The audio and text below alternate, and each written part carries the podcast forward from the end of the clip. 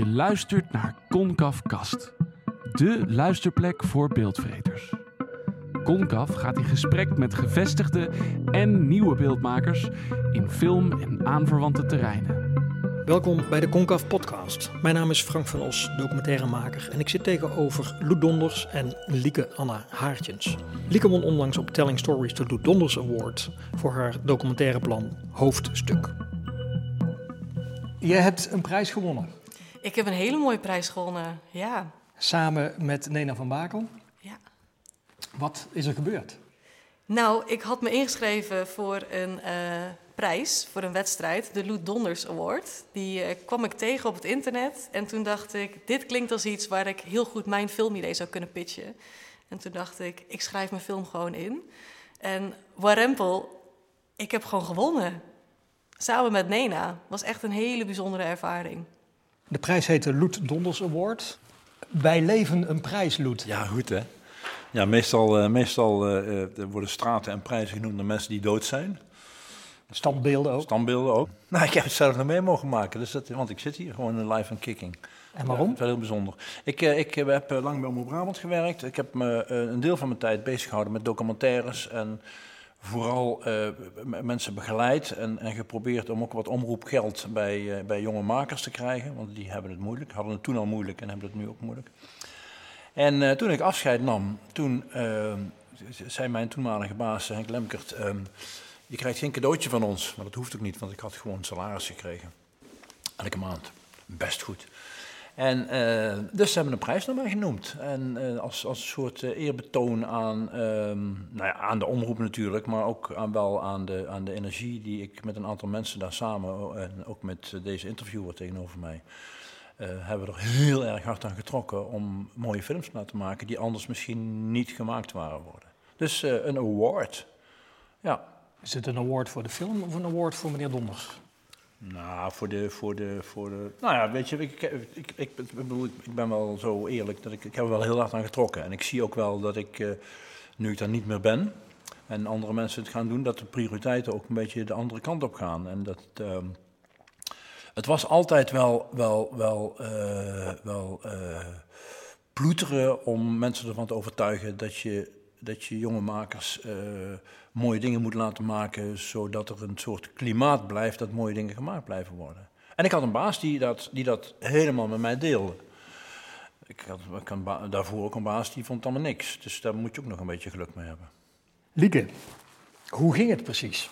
Het was een tweedaags festival waar eh, de Lou Donders Award eigenlijk een onderdeel van was. Telling Stories in Eindhoven. En op de eerste dag kregen wij een pitch workshop als groep. We waren met een groep van ehm, acht pitchers. En die mochten dan hun idee voor de film mochten ze gaan pitchen aan een jury voor de Lou Donders Award. En om ons idee nog een beetje bij te kunnen schaven, hebben we eerst een, ehm, een workshop gevolgd. waarin we elkaars pitches konden horen en feedback konden geven op elkaar. Wat super waardevol was, want je kan voor je eigen publiek eh, jouw filmidee pitchen. maar die weten vaak al wat voor film je gaat maken. En het was super leerzaam om dat te doen voor elkaar en ook van elkaars pitch te leren eigenlijk. Van hoe begint iemands verhaal en waar gaat die film dan over en wat zou ik mee kunnen nemen in mijn eigen pitch. Dus dat was dag één. Wat heb je meegenomen? Wat heb je veranderd? Ehm, nou, ik dacht dat mijn verhaal heel helder was en dat ik een lijn had. Maar ik heb hem toch nog een soort van omgegooid. Omdat ik dacht, ja, maar de, de randzaken die komen wel uh, tijdens de vragen. En het is veel belangrijker om te delen waarom die film er moet komen. En waarom jij juist die film moet gaan maken. En waar gaat jouw film over? Mijn moeder die heeft een eh, beroerte gehad naar aanleiding van een geknapt hersenaneurysma. En eh, mijn moeder is niet meer wie zij was. Zij was altijd mijn allerbeste vriendin. Ik kon altijd op haar bouwen. En die verhouding is verstoord geraakt. En daardoor is mijn identiteit, wie ik ben als mens, is een beetje op losse schroeven komen te staan. Ik ben heel erg zoekende in wie ben ik nu mijn moeder niet meer mijn moeder is. En dan blijkt op een gegeven moment ook nog dat wat haar is overkomen, mij mogelijk zou kunnen overkomen. Dus dat het erfelijk kan zijn. En ik ben een maker, ik maak met mijn hoofd. Wat als dat dan kapot is? Hoe ga ik daar dan mee om? En die documentaire is eigenlijk een beeldende soort van zoektocht naar hoe ga je daarmee om als mens, als jong mens die dacht, zo gaat mijn leven eruit zien. En dat komt ineens allemaal op losse schroeven te staan. Een film over dealen met angst? Dealen met angst, ja. Dealen met verwachtingen die ineens eh, verlies. Ja. heel veel verlies. Want het is niet alleen verlies van mijn moeder, maar ook verlies van het leven dat ik dacht te hebben, wat ineens niet meer bestaat. Wat ik me later afvroeg is, ehm, hoe zou het nou zijn als je moeder overleden was? Ik heb mijn moeder is uh, een half jaar geleden gestorven. Ik ben best al oud. En het is, zo een, heel, het is een heel raar gevoel, maar het is oké. En ik, ik, later in de auto, toen we die, die, die, die sessie hadden in jouw pitch, hadden toen, toen nog wat, met wat mensen over door zitten praten. Ehm, hoe zou dat geweest zijn? Maar dan is het ineens heel anders. Het, uh, het, jaar voordat mijn moeder haar beroerte kreeg, is zij haar man verloren. Hmm. dus die had twee weken een ziektebed en die is overleden. Um, en bij haar is het verhaal natuurlijk, ze is er wel, maar ze is niet meer wie ze was. En dat is een hele andere manier van rouwen. Dat is eigenlijk veel pijnlijker, want je wordt iedere keer geconfronteerd met het feit dat de persoon die je altijd had er niet meer is. Dus je blijft in gesprek met het verdriet. Um, en dat is veel pijnlijker. Dat vind ik persoonlijk veel moeilijker te accepteren om dat een plekje te geven. Um, dus als zij overleden was, ja, dat, die, die, die gedachte is ook super pijnlijk, maar dan heb je wel duidelijkheid. En nu is zij er nog. Ja. Dus het, het, ja, je, wat ik zeg, je blijft in gesprek met het verlies. We waren net gebleven bij de eerste dag van het festival. En toen de tweede dag. Ja, een, eh, een kort nachtje. was een kort nachtje, want op de eerste dag kwamen we erachter in welke zaal we zouden gaan pitchen. En je moet je voorstellen, het is een kleine bioscoopzaal, maar dat scherm is gigantisch. En je hebt natuurlijk als pitcher heb je een presentatie voorbereid in tekst die je gaat delen, maar ook visueel. En om dan je eigen visuele pitch, wetende dat die zo groot getoond gaat worden, heeft ook een impact. Um, dus ik was nogal zenuwachtig. Ik had echt klamme handjes en ik dacht, hoe als dit maar goed komt. Aan de andere kant dacht ik ook, het verhaal zit in mij. Um, en er was geen noodzaak. Het, ding is, het is mijn, documentaire, mijn eerste documentaire. Dus in dit hele proces, ik heb niks te verliezen. Voor mij is dit één grote leerschool. Dus ik probeer zoveel mogelijk, ook tijdens dat uh, festival tweedaagse, zoveel mogelijk op te zuigen. Dus ik dacht, ik ga daar gewoon doen waarvan ik denk dat het in me zit. En als dat genoeg is en de jury denkt, dit is een idee waar wij iets in zien, dan wordt dat beloond. Um, dus met die insteek dacht ik, ik ga dit gewoon toch maar doen, denk ik. En toen stond je voor die jury? Toen stond ik voor de jury, ja. Toen heb ik ook mijn schoenen uitgedaan, want ik voelde me een beetje een held op sokken. Toen dacht ik, ja, laat ik dat dan ook maar gewoon uh, fysiek praktisch doen. Plus dan kan ik een beetje meer aarden. Um, ja, en dan is het gewoon heel spannend. Wat is er spannend aan? Nou, het is een heel persoonlijk iets van jouzelf. En op het moment dat je dat gaat delen met anderen, komt er feedback. En ik heb het heel lang een soort van voor mezelf gehouden. En nu is de tijd dat je het gaat delen om je heen. Um, en dat is heel spannend, want dan krijg je feedback van buitenaf. Het is een film over mijn leven. Dus als iemand iets zegt over de film, heb ik dat niet als persoonlijk te ervaren, maar als maker. En dat is voor mij ook een leerschool om de film te zien als iets wat niet alleen maar over mij persoonlijk gaat, maar het is een ding aan zich wat gemaakt gaat worden. Loet, jij hebt niet alleen een prijs naar je genoemd gekregen, je was ook voorzitter van de jury. Kon niet op, hè? Hoe, hoe, wat vond jij van het verhaal Nou, het was, het, was, het was sowieso een geweldige pitch. En dat, dan zie je dan weer dat het zo'n dag daarvoor, om dat te oefenen, dat dat heel erg belangrijk is. Want wij hebben samen, Frank, jij en ik, uh, uh, in het verleden ook allemaal ook wel mensen zien pitchen dat je dacht, jongens, je hebt een goed verhaal, maar je kunt het niet brengen.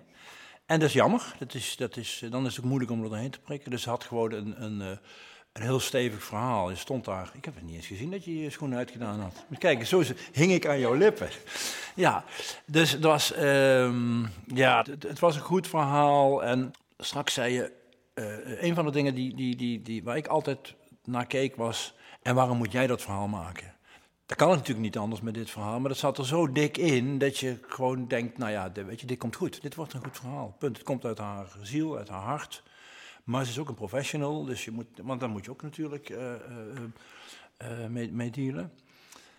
En er was geen twijfel over in, de, in, de, in de jury. We hebben discussie gehad, want de, de, de andere prijs ging ook over verlies. En we, nou, nee, staande de wedstrijd werd er nog een tweede prijs aan toegevoegd. Dat was wel even vergeten omdat we bij het tweede verhaal um, ging ook over verlies. Daar was wel even, ja, doen we dit, doen we dat. Toen hebben we nog even een discussie gehad, want wij zitten in Brabant. En dit was een Zeeuws verhaal. Nou, daar hebben we wel een uh, soort omweg voor gevonden. We hebben jou geadopteerd. Nou ja, je woont in Brabant. Ja, precies. Je woont in Brabant en je vindt Brabant leuk en dan is het goed. Eh, eh, en je hebt geen zachte G, maar ja, dat doen we even wel. Dus dat is ook goed. Dan, eh, dan... Nee, dus wat, ja, dat heb je met, met, als je zit te jureren, op een gegeven moment denk je, ja, dit is het. Dit is het. En we hebben, we hebben er niet zo lang over hoeven te discussiëren met, de- met de jury. Waar moet een goed verhaal aan voldoen? Er moeten, er moeten verschillende lagen in zitten, vind ik altijd. Eh, ook dat hebben we va- va- vaak wel met, met pitches gehad. Dat als je dan doorvraagt, en wa- waarom moet het verhaal verteld worden? Waarom is het belangrijk dat het verhaal verteld wordt? Waarom ben jij degene die dat verhaal moet vertellen? En als je daarop doorvraagt, dan komen er, komen er andere lagen. Dus het moet, het, moet meer dimensionaal zijn. En verder vind ik dat eh, met name documentaire emotie in welke vorm dan ook is, is, is, is heel wezenlijk. Ik wil erin gezogen worden, ik wil erin getrokken worden, ik wil het eh, eh, moeilijk bij hebben als ik zit te kijken. Dat ik, of ik wil, ik wil gegeneerd zijn, dat ik naar iets zit te kijken en denk, jezus, er moet iets gebeuren met mij. En, en, en die vertaalslag van zo'n plan via een pitch naar een echt filmplan, naar een film, ja, dat, dat is, ehm, dat kan ook een martelgang zijn om, eh, als maker, om, omdat je, ja, er, moet, er gebeurt zoveel. En dan denk je, ehm, ik heb mijn verhaal rond en dan gaat er iemand voor de eerste keer zitten kijken. En dan kan het nog zijn dat de maker, die zit dan zo te kijken met een beetje bibberend van wat, wat vindt hij ervan. En ik heb altijd wel eerlijk gezegd, eh, nou, volgens mij ehm, moet hier nog iets aan gebeuren om het nog beter te maken. En het is vooral vaak die, die, die diepgang, die verschillende lagen en, en dingen weg durven laten. Want je hebt als maker, denk je altijd, het verhaal moet helemaal compleet zijn. En het hoeft niet, want ik vind dat de kijker ook nog iets eh, zelf, eh, zelf mag denken. Laat me wat dingen open. Zorg maar dat iemand met een paar vraagtekens naar huis gaat. Lieke, een martelgang. Ja, ik wist, ik voelde hem aankomen. ik ging ook helemaal aan toen je dat zei. Ja, ik ben een jaar bezig geweest met ehm, van het idee naar een filmplan werken. En ik denk dat tijdens dat jaar heb ik minstens drie keer gedacht: waarom doe ik, waarom wil ik deze film maken? Waarom zou ik dit überhaupt doen? Ik kan het helemaal niet. Wie dacht ik dat ik was? Want jij bent eigenlijk geen filmmaker. Nee, ik ben kunstfotograaf. Dus film maken is niet mijn, ehm, mijn vak. En wil je filmmaker worden of wil je dit middel nu gebruiken om dit verhaal te vertellen? Ehm, ik denk dat. Ik ben vooral verhalenverteller. En ik denk dat het medium ondergeschikt is aan het verhaal. En ik heb altijd verhalen gehad die zich uitstekend leenden voor eh, kleine gedichtjes of eh, zelfportretten of fotografie. Ehm, maar dit verhaal heb ik geprobeerd te vangen in fotografie, maar dat lukte niet. En toen, toen is het ontstaan van een film. En ik kan me voorstellen dat er meer verhalen zijn die zich tot een film, documentaire zouden kunnen vormen. Dus ik weet het, ik weet het nog niet zo goed. En wat is het moeilijkste aan die martelgang op het moment? Wat, wat, wat, wat is het moeilijkste om, om om te zetten in jouw hoofd, zeg maar, van fotografie naar film? Ehm, nou ja, ik ben in fotografie heb je één ehm, plat beeld waarin ik het hele verhaal in één beeld wil vangen. En met bewegend beeld ga ik dus vanuit die denkgang dat ik denk in iedere scène moet dat hele verhaal moet duidelijk zijn. Je moet weten naar wie je kijkt en waar het om gaat. Terwijl er mogen inderdaad ook vraagtekens zijn en je hoeft niet in iedere scène alles willen stoppen. Dat is wel mijn valkuil waar ik op heb eh, te letten. Dat ik niet in iedere scène of in ieder stukje van de film alles wil delen. Maar dat er ook juist gewoon kleine stukjes uitvergroot mogen worden. Waarin je een klein moment hebt en niet dat hele verhaal hoeft te vangen. En als je dat doet, wat gebeurt er dan? Met mij, ja, ik vind het heel ongemakkelijk. Ik denk, eh, ja, ik, ja, ik vind het ongemakkelijk. Maar ik heb ook gemerkt dat dit proces is niet alleen... ik ga een film maken en ik leer film maken. Maar ook voor mijn fotografie heeft het, gewoon als maker, als kunstenaar... heeft het mij heel veel gebracht van hoe vertel ik een verhaal... en hoe kan ik stukjes daaruit delen. En ik probeer dat nu ook in mijn fotografie bijvoorbeeld te stoppen. Door te kijken, oké, dit is een, een verhaal wat ik wil delen... en kan ik daar één moment uithalen en een en een tekstje en dan niet beschrijven waar het over gaat, maar het gewoon open laten. Dat de kijker daarin mag zien wat hij wil. En wat is dan ongemakkelijk? Ehm, omdat het nieuw is voor mij, denk ik. Ja. ja, en de martelgang zit hem voor mij in dat ik zowel regisseur als hoofdpersonage ben. En de schakeling tussen die twee is soms lastig. Precies. En dat geldt ook voor het andere verhaal. Ik ben even de naam van... eh, van, eh, van Nee, nee. Oh ja. Ehm, die, eh, die, want die moeten we, vind ik ook wel even noemen. Die gaat een film maken over haar broer, waar ze, waar ze heel close mee was. Heel close. Mijn broer en zus was, was toen ze het vertelde, ik, was echt zo'n bondje van, van wij met z'n tweeën tegen de wereld. En die werd ineens uh, overtuigd boeddhist en dan uh, van, de, van, van, van de harde soort, zal ik maar zeggen. Ik weet niet of dat bij boeddhisme eigenlijk kan, maar... En ze is hem kwijtgeraakt. En ze probeert te begrijpen wat hem bezielt. En ze probeert in contact met hem te blijven, maar het is een ander mens geworden. En daar geldt natuurlijk hetzelfde voor. Hè? En dat, is, dat maakt het dan voor de jury in dit geval zo, zij maakt het zo mooie verhalen. Maar tegelijkertijd is, maakt het dat ook lastig om te maken. Van hoe, hoe, hoe, hoe kijk je als objectieve maker tegen dat verhaal aan, terwijl het verhaal beter wordt als ik ook voel dat die maker er zelf in zit. En dan is het gewoon ook heel erg belangrijk bij zulke makers dat er iemand meekijkt, dat de mensen die ze vertrouwen en eerlijke mensen meekijken, die af en toe een keertje zeggen tijdens het proces, nou, zou je dit wel doen? En, eh, en dit mis ik, en waarom laat je dit niet zien? Heb je daar een goed voorbeeld van, uit jouw lange praktijk van eindredacteur van documentaires voor Omroep Brabant? Nou ja, ja ik, ik, ik heb geen voorbeelden, maar ik weet wel dat we dat ik wel eens ooit uh, zei, ja, maar weet je nog, in onze gesprekken had je toen daar en daar, of heb je dat gefilmd? Ja, dat heb ik wel gefilmd. En waarom heb je het er niet in zitten? Uh, ja, nou weet je wat, maak dan even montage, zet het erin, het kan altijd nog weg. Nou ja, dat is die machtergang. Ah, machtergang. Ja, machtergang. Lieke, welke stap ben je nu aan het zetten? Waar sta jij met je film? De film heet Hoofdstuk. En ik moet de eer aan mijn broer geven voor die titel. Die, uh, er zijn verschillende titels uh, gepasseerd. En op een gegeven moment viel hoofdstuk bij hem binnen. En we hadden allebei zoiets van: wow, ja. ja Kort, passen. Eén of twee woorden? Twee woorden. Hoofdstuk. Als je het hebt over die gelaagdheid, ja. dan uh, ja. ja. zit hij daar wel in. En waar sta je nu? Wat ben je, in welke fase ben je?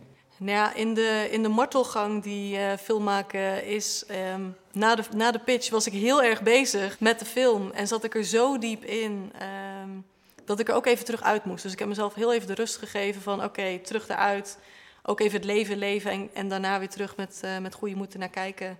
Dus ik, uh, ik ga mijn regiecoach uh, terug oppakken. Hè, want daar hebben we het eigenlijk ook over dat je als maker... dat het ook fijn is om iemand te hebben die er voor jou is. En zeker omdat ik debutant ben is het voor mij allemaal nieuw en vind ik het heel fijn om een ervaren regiecoach naast mij te hebben die meekijkt, maar ook die mij tips geeft en die ook durft te zeggen, joh, gaat het hier echt over? Want volgens mij zit dit eronder, maar durf je dat gewoon niet te delen? Mhm. En dat heb je ook nodig, dat iemand je eigenlijk met je neus op de pijnlijke feiten durft te drukken. Um, wat dan weer zorgt voor een soort van mental breakdown.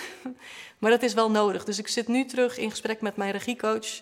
En het filmplan is bijna af en ik ben nu in gesprek met uh, fondsen om te kijken naar de financiering en ga op zoek naar uh, de crew, wat voor mij heel spannend is, want ik ben eigenlijk een solomaker.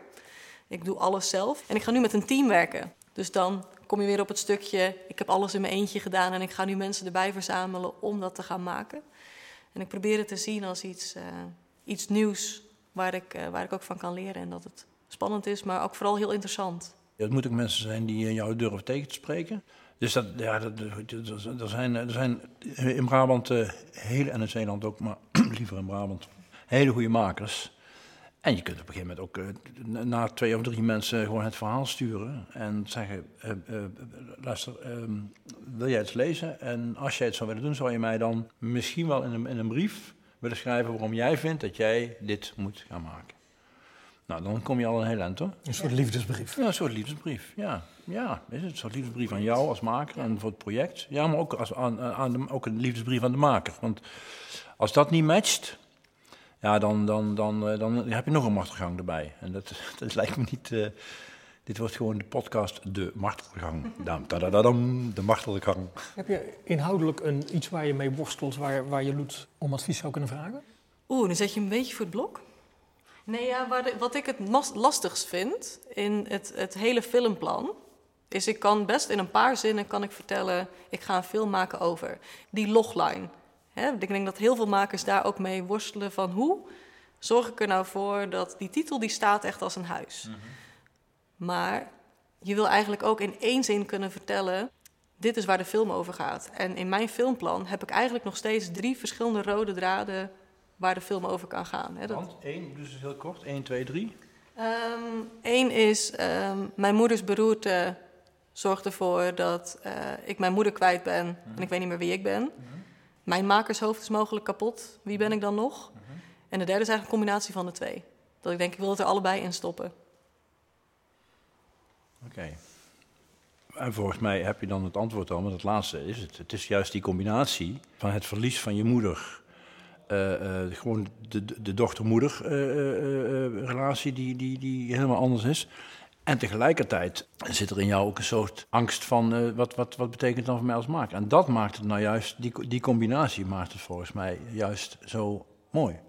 Sterker nog, ik denk dat je, dat je het verhaal afzwakt als je een van de twee dingen, als je ze helemaal los van elkaar zou pakken, hè, een soort, een soort twee episodes zijn, of als je een van de twee aspecten eh, niet mee zou nemen, dan, ben je, dan amputeer je de film, vind ik. Om maar even in dat soort terminologie te blijven. Machtelgang en amputeren. En, eh, Heel gezellig. ja, het is altijd leuk hè, film maken. Loet, die mooie prijs, die staat eigenlijk natuurlijk voor iets veel groters, schat ik zo in. Ja, ja. Hij staat voor, eh, hij staat voor iets wat ik heel erg belangrijk vind. Namelijk, eh, en daarom vind ik dit gesprek ook heel fijn. eh, mensen die talent hebben. En mensen die misschien nog niet helemaal zeker weten of ze talent hebben, maar wel hopen dat ze het hebben. Eh, dat, dat, dat, dat die op het paard gezet kunnen worden. Er zijn allerlei fondsen in Nederland die bulken van het geld. Dat is echt ik, heb laatst een staartje gezien, daar zit zoveel geld in allerlei fondsen. Maar film en, en documentaire, dat, dat, dat zijn er een aantal grote fondsen die dat vroeger nog wel deden en die het niet meer doen. En die nu in, in, in maatschappelijke eh, eh, doelen zitten. Waarbij ik dan soms denk, maar met film kan je ook een maatschappelijk probleem aankaarten, wat dan een groter publiek bereikt. Ehm, dus als je vraagt, het staat voor iets groters, dan staat het ervoor dat dit, dat dit moet blijven bestaan. Dat makers, jonge, als je jonge makers niet de kans geeft. En soms ook, ik zeg steeds jonge, maar we hebben ook oudere mensen gehad die in een latere fase in hun leven ineens dingen gingen maken. Eigenlijk zijn het ook jonge makers. Maar, en dus, dus dat, die, dat die mensen zich kunnen ontwikkelen, dat is één. En twee, dat er verhalen verteld zullen blijven worden. Vertalen, verhalen die anders ergens onderges- ondergesneeuwd worden. Ehm, of die, eh, zoals in jouw geval, je kunt het verhaal ook voor jezelf houden. Nou, dat, dat mag ook.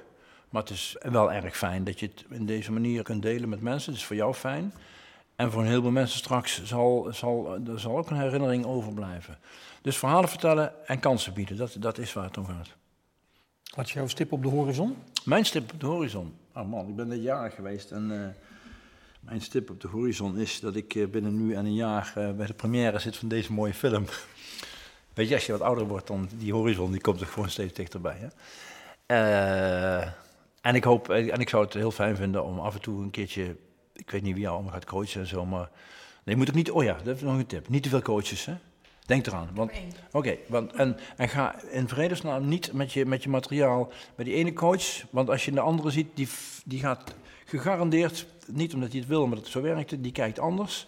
En dan word je knettergek. Dan weet je het niet meer. Dan, eh, maar ik hoop wel dat ik ergens in, de, in, het, in het proces nog een keertje mag meekijken. En dan zeg ik gewoon niks. En dan zeg ik alleen bij de première, zie je wel, dat ik, ik had toch iets moeten zeggen.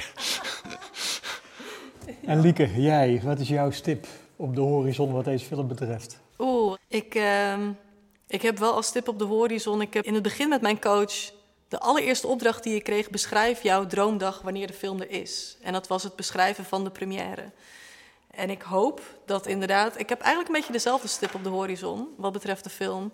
Dat ehm, binnen een jaar, het is nu juni 2022, ehm, dat de film te water gelaten wordt ergens, dat hij te zien is. En te water gelaten, ja, bedoel ik ook letterlijk. Ehm, ik zou dat heel mooi vinden als het, als het iets symbolisch ook mag zijn. En dat de film dus ook de mensen mag bereiken die dit verhaal niet durven te delen, maar wel de gevoelens herkennen en daarin erkenning en herkenning in het verhaal mogen ervaren. Dat is ook een beweegreden om deze film juist te maken. En hoop je dat het jou en je moeder dichter bij elkaar brengt? Dat doet de film niet, denk ik, aan zich. Ehm, maar de focus van mijn film doet dat wel. Dus het, het maken aan zich niet, maar doordat ik ermee bezig ben, ben ik er wel heel bewust van. En ik denk dat dat er ook voor zorgt dat wij gaan de pijnlijke gesprekken niet uit de weg. En dat wordt versterkt door de film. Dus in wezen wel. We zijn echt nog zoekende in die band opnieuw opbouwen. En hoe dat gaat eindigen, dat, is onzeker. Hey, en als je nou de, de, de, het, waterlaten, de première, ehm, is je moeder daar dan bij? En, Zeker. En is, hoe, is dan, hoe is het dan? Kan ze dan de indrukken opdoen die je zou willen dat ze die opdoet? Of is, het moeilijk? Of hoe, hoe, in welke, welke situatie is ze? Nee, het, het probleem bij mijn moeder is dat zij dus, ja, ik vind het bijna pech dat zij ehm, heel erg goed is. Dus dat ze alles meekrijgt. Dus het besef van haar eigen verlies is heel groot, waardoor het heel pijnlijk is. Ehm, en dat ze zelf ook heel veel moeite heeft met haar nieuwe ik eh, te accepteren. Nu gaat dat wel steeds beter. Zij zit ook in nog revalidatietrajecten. Ehm, dus zij gaat de film compleet meekrijgen. Zij is ook onderdeel van het proces. Dus de video die ik heb laten zien tijdens de pitch heb ik ook laten zien aan de familie en aan eh, mama. Met rijkelijk eh, vloeiende tranen ook.